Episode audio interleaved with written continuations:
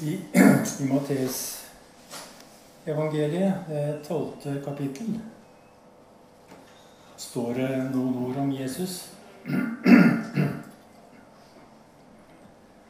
Det står om Jesus at han skal ikke knuse et knekket siv og ikke slukke en rykende veke før han har ført retten fram til seier. Jeg tenker at det ordet her er noe vi trenger å høre. Trenger i hvert fall å høre det sjøl. Han skal ikke knuse et knekket siv og ikke slukke en rykende veke før han har ført retten fram til seier. Og sånn jeg ser det, så er poenget her at Jesus ikke diskvalifiserer det som er skada, og det som er skrøpelig. Jesus avviser ikke den troen som ikke lenger er en flamme, men bare en rykende veke. Jeg har lest at eh, det ordet som blir brukt her eh, han skal ikke knuse et knekket siv, eh, eller rør, som det også står i en annen oversettelse. Det ordet kan referere til ei fløyte som gjeterne lagde av siv eller rør. Og dere kan tenke dere at eh, en fløyte laget av siv, det er ganske skjørt og kan lett gå i stykker. Og det som er poenget her, det er at Jesus forkaster ikke det som er defekt. Eller det som er ødelagt. Tvert imot. Jesus kan få tonen tilbake i instrumentet. Og uttrykket 'en rykende veke' refererer til en lampe hvor ilden er slukna, og det bare ryker. Olja er brukt opp, og det ryker av veken. Det er jo åpenbart at det er et uttrykk for å være tom og ikke ha mer å gi. Og når man føler seg tom og ikke har mer å gi, da er det lett å gli inn i en slags resignasjon. Og du tenker 'det nytter ikke for meg'. Melodien som jeg en gang kjente eller hørte i mitt hjerte, vil aldri komme tilbake. Og flammen som brant der inne, den er slukna for godt. Og hør det er jo mennesker som oss det her verset handler om. For det er slike mennesker Jesus kom til. Jesus kom til mennesker som snubler, og som faller. Og jeg leste om eh, et kloster der munkene fikk spørsmålet Hva er det dere driver med i klosteret? Hva holder dere på med? Og en av munkene svarer det vi holder på med, det er at vi faller og reiser oss. Faller og reiser oss, og faller og reiser oss.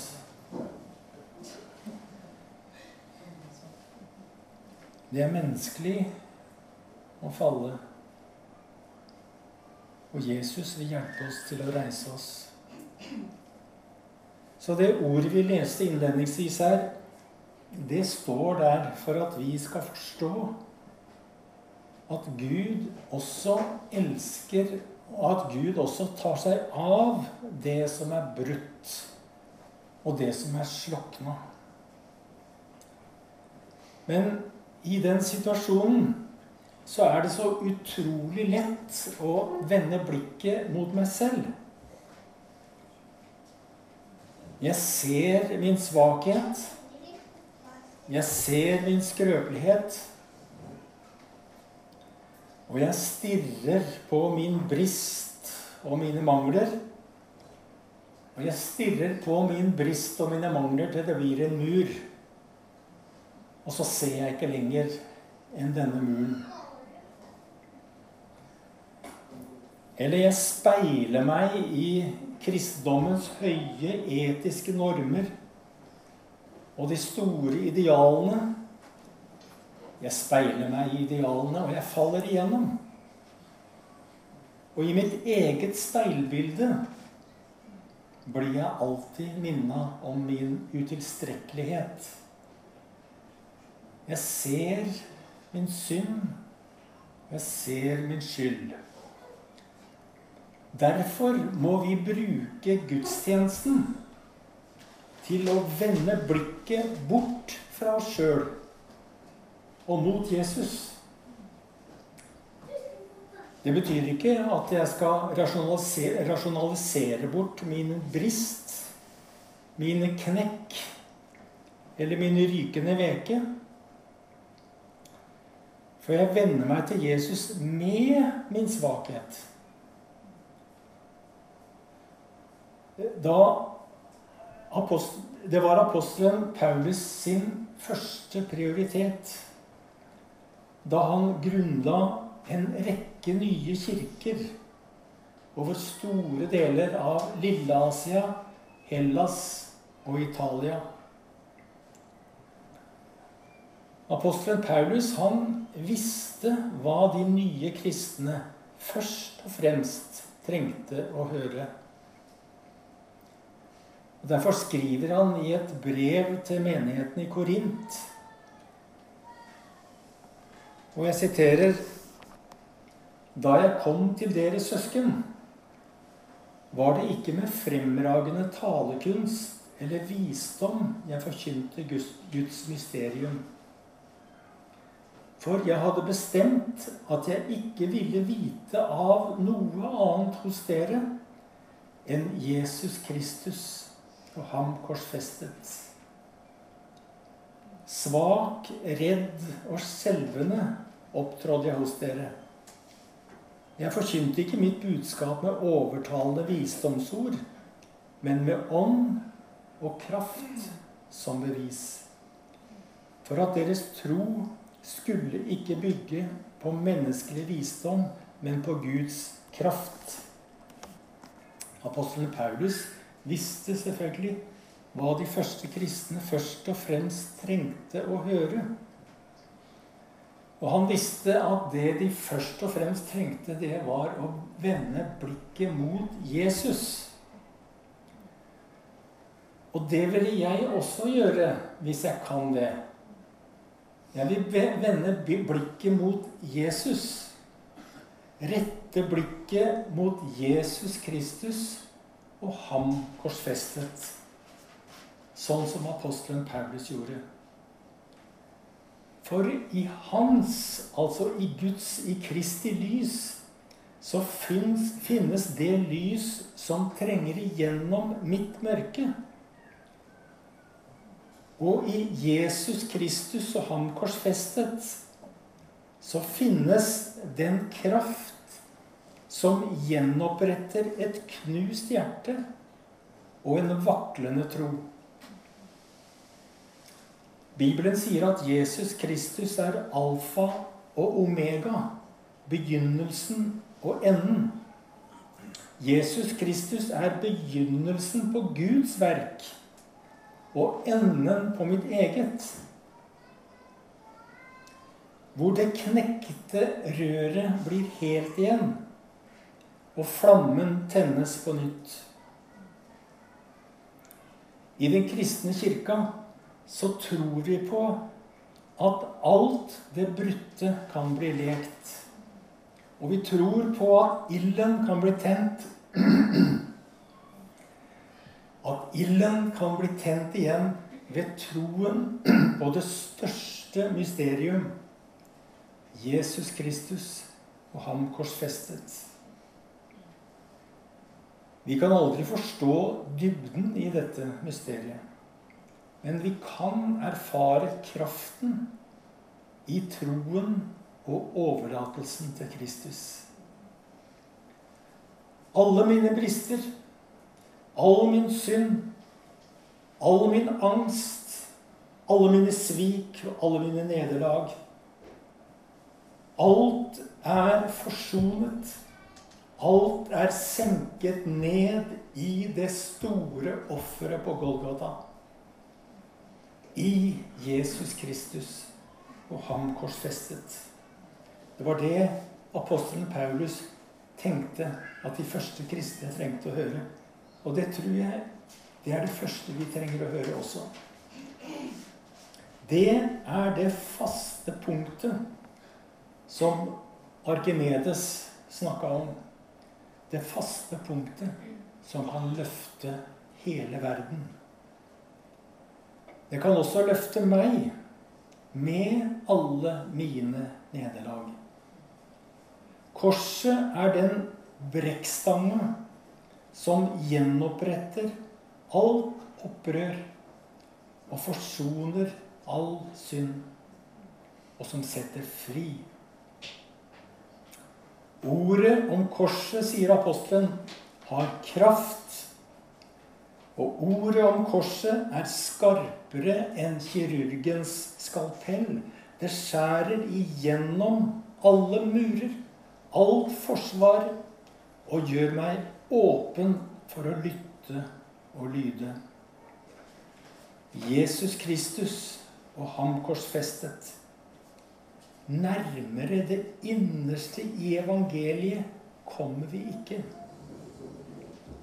Jesus Kristus og ham korsfestet er svaret på menneskets rop om kjærlighet, sannhet og trofasthet. Jeg legger min fattigdom, og jeg legger mine mangler fram for Gud jeg søker et fastere punkt enn i meg sjøl. Jeg søker et fast punkt utenfor meg sjøl. Jeg søker, og jeg får, Jesus Kristus og ham korsfestet. Han er Guds betingelsesløse kjærlighet og ubestikkelige nåde. Alle kristendommens idealer og bud er gode i seg sjøl. Det er flotte veivisere og glimrende rettledning i hva som er rett og galt. Men alle bud og normer fører alltid til at jeg vender blikket mot meg selv. Og jeg blir minnet om min utilstrekkelighet. Ifølge Galaterbrevet er det også det som er meninga med budene. Jeg ser min synd, jeg ser min skyld, og jeg blir redd for mitt eget mørke. Derfor trenger vi Guds ord for å male Kristus for våre øyne. Jeg blir aldri ferdig med meg sjøl. Derfor vil jeg snakke om det som er ferdig. Derfor vil jeg snakke om det som ble bygd på Golgata. Det som er ferdig, det som er fullbrakt. Jeg blir aldri fullkommen. Derfor må jeg vende blikket mot Han som tar meg med inn i sin fullkommenhet. Jeg kan aldri få fred med min menneskelige natur Derfor må jeg snakke om Derfor må jeg vende blikket mot hans fred. Jeg står i dyp og uendelig gjeld til både Gud og mennesker.